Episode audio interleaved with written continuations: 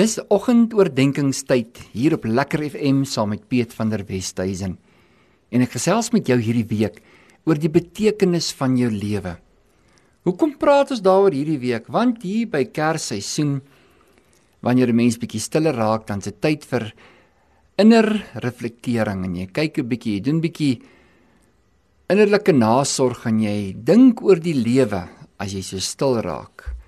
Miskien is dit moeilikheid wat jou by daardie punt bring. Miskien is dit alleenheid. Miskien is dit 'n soeke na 'n dieper betekenis van wie jy is en wat jy veronderstel is om op hierdie aarde te doen. Daar's twee belangrike dae in jou lewe. Die dag wanneer jy gebore is en die dag wanneer jy besef hoekom jy in hierdie aarde gebore is. Dit gee jou lewe ook betekenis om te weet. Wat is jy veronderstel om te doen? In hierdie aarde. Jy kan doen wat mense vir jou sê om te doen en wat mense van jou verwag jou hele lewe lank en nooit by die vervulling van die innerlike mens uitkom van dit wat God eintlik wil hê jy moet doen en wat jy moet wees nie. 'n Mens ontdek jouself wanneer jy begin besef dat jy bevry word van alles wat jy gedink het jy is en kan begin verstaan wie God jou gemaak het om te wees. Jy is 'n unieke wese. Besef jy dat die gemiddelde persoon neem omtrent 35 besluite per dag? Ja, dis 'n gemiddeld van 1500 besluite per uur as jy in 'n 24 uur lank dag wakker was. Vandat jy jou oë oopmaak. Alles wat jy deur die dag beleef totdat jy jou kop weer gaan neerlê op jou bed. Keuses, keuses en besluite, besluite. Party van hulle is bewustelik en ander is onbewustelik. Dis juist daar waar die krisis baie keer kom. Die besluite wat ons onbewustelik maak. Die ervaring daag ons uit om 'n betekenis te gee aan dit wat nou net gebeur het. Dan moet jy besluit. Wie is jy in daardie oomblik? Wat gaan jy maak in die toekoms wanneer dit weer gebeur? Jy assosieer met die gevoel en jy maak 'n besluit. Dan word die besluit sommer outonomies in jou uitgevoer wanneer jy daardie gevoel weer kry. Die dinge wat jou sommer net kwaad maak en jy weet nie hoekom nie. Die dinge wat die stoompotjie laat ontplof. Dis daardie dinge wat opgebou het.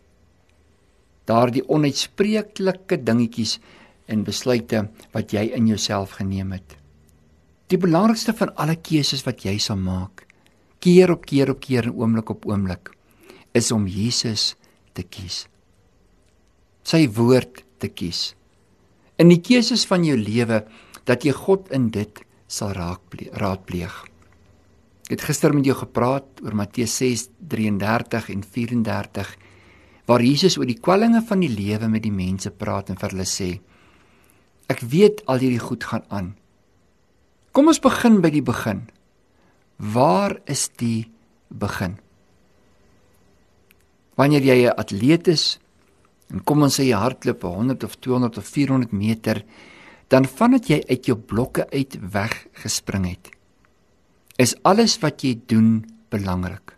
Alles maak saak. Elke beer, elke tree elke beweging alles maak saak. So is die lewe. Alles wat ek en jy doen, maak saak. Alles wat ons bedink en beoefen, dit maak saak. Want daardie dinge gee betekenis in jou lewe. Dit bepaal die uitkoms. Tree vir tree, dit is hoe 'n mens daardie wedloop hardloop. Die wedloop van die lewe is oomblik tot oomblik waarin ek en jy uitgedaag word. Somstyds gewillig en ongewillig om 'n besluit te maak oor alles in ons lewe. Wanneer Job die stelling maak om te sê neem jy 'n besluit, dan kom iets tot stand. Iets gebeur in jou wanneer jy 'n besluit maak. En wanneer 'n mens so top oor iets en nie 'n besluit maak daaroor nie, dan kan daar ook nie momentum wees nie. Daar kan nie 'n vorentoe of agtertoe wees of op of af as daar nie 'n besluit is in daardie oomblik nie. Ons moet besluite neem oor alles. Ek wil jou vir 'n oombliekie aanmoedig om 'n baie belangrike besluit in jou lewe te maak. Hierdie Matteus 6:33 dat jy in jou hart sal besluit om eers die koninkryk van God te soek en sy geregtigheid. Dat jy nie die kwellinge van die lewe jou sal laat oorweldig nie. Daardie woord sê ook elke dag het genoeg aan sy eie kwaad. Elke dag breek in jou lewe oop met sy eie dinge. Maar die belangriker ding as al daardie dinge is wat ek en jy besluit het aan die begin van daardie dag. Ek sal die koninkryk van God soek en sy geregtigheid. Ek gaan dit soek in mense. Ek gaan die koninkryk van God soek en wat reg is in hom en dit wat mense doen, reg en verkeerd in my lewe. Ek gaan God soek. Ek gaan nie soek om mense te vergeld nie. Ek gaan nie soek om mense uit te haal nie. Ek gaan nie soek om mense te diskwalifiseer nie. Ek gaan die koninkryk van God soek. Dis die belangrike keuse wat ek nou in my lewe maak. Here, ek gaan U soek en U koninkryk. Sodat al die ander dinge in my lewe 'n belyning en 'n gevolg is van dit wat ek eerstens besluit het om U te soek. Dat U die belangrike een in my lewe sal wees. Here dat ek my huis sal bou omdat ek U soek. En alles wat in my huis is en in my huis leef, die gevolg sal wees omdat ek dit soek wat reg is in U oë. Die kwellinge van die lewe sal my nie meer oorweldig wanneer ek U altyd eerste soek nie. In al die krisisse van my lewe kom soek ek U. In al die oorwinnings van my lewe kom soek ek U. Ek soek U in die vallei, ek soek U op die bergtop. Ek soek U wanneer ek swaar kry, ek soek U wanneer ek in oorvloed is en wanneer my hart oorloop, wil ek U die eerste een maak om te sê Here, ek loof en ek prys U. Ek dank U vir 'n kosbare lewe. Ek wil daardie gebed hê in alle omstandighede van my lewe. Al sou die vrye boom nie pot nie. Nogtans, nogtans sal ek. Ja, en al bot die vrye boom. Al bring die olyf en die wingerd sy vrug. Nogtans sal ek jubel in die Here. Ek sal U nooit vergeet nie, want ek neem 'n besluit om U koninkryk te soek hierdie tyd, hierdie seisoen kies ek om u koninkryk te soek, Here. In my rus, in my moegheid, in my oorwerk, in my styf gespande snaar as iemand in hom kom trek. Ja, ek soek u. Ek soek u met my hele hart. Ek kom soek na u koninkryk en u geregtigheid. Want ek weet wanneer daardie koninkryk en geregtigheid in my oopbreek dan is ek die mens wat jy my geskep het en geskaap het om te wees. Ek doen 'n bietjie navorsing oor gesondheid en hoe 'n mens vervuld kan wees in jou lewe. En dan kom ek by verskillende lande, kulture, etniese groepe uit waar die beginsels eintlik maar dieselfde is. Ja, jy moet oefening in jou liggaam kry. Nommer 2 moet jy lag en moet jy connect aan mense sodat jy kan bly wees. Dat jy die sorges by die deur uitgooi en die vensters en die gordyne oopmaak om geluk en blydskap weer te kan inlaat. Om norsheid met die besem by die deur uit te vee en om vriendelikheid in te kan nooi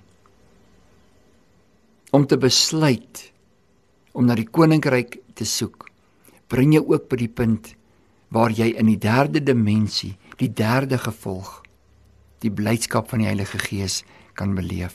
God wil hê jy moet bly wees. God wil hê jou hart moet vol wees. God wil hê jy moet oorloop van dit wat hy in sy hart en sy lewe vir jou instoor het. Frankel het geglo dat die soeke na betekenis is Die primêre motiveringskrag wat in jou is, kom van drie moontlike bronne. 'n doelgerigte werk of kreatiwiteit, dan liefde en moed vind in die aangesig van teëspoed. Tog verdryf 'n betekenis nie moeilikheid nie. Frankel sê vir my en jou die bekende navorser en sielkundige sê vir my en jou kry vir jou 'n doelgerigte werk of iets waarin jy kreatief kan wees iets waar dit wat binne in jou is uit jou tentoon gestel kan word dan sê hy jy moet ook besef dat jy het liefde om te gee miskien kry jy nie genoeg liefde nie miskien kry jy nie eens genoeg aandag nie en om altyd op 'n plek te wees waar jy soekend is vir dit wat van mense af moet kom, bly jou leeg los. Dis hoekom Jesus sê: "Maar soek allereers die koninkryk van God." Dis nie 'n probleem dat jy al hierdie ander dinge ook soek nie, maar jy soek hierdie ander dinge terwyl jy nog nie God gevind het nie. Dan begin jou lewe soos 'n grafiek, dan jy bo, dan jy onder, dan jy gelukkig, dan is jy ongelukkig en dan is jy bly en dan is jy sad. God wil hê dat daardie konstantheid in jou lewe van hom af moet kom. Dat jy jou sekuriteit in jou bestaan in hom moet vind. Nou ja, en daardie 1500 besluite wat jy in die volgende uur gaan neem, mag elkeen gebaseer wees om te soek na die koninkryk van God.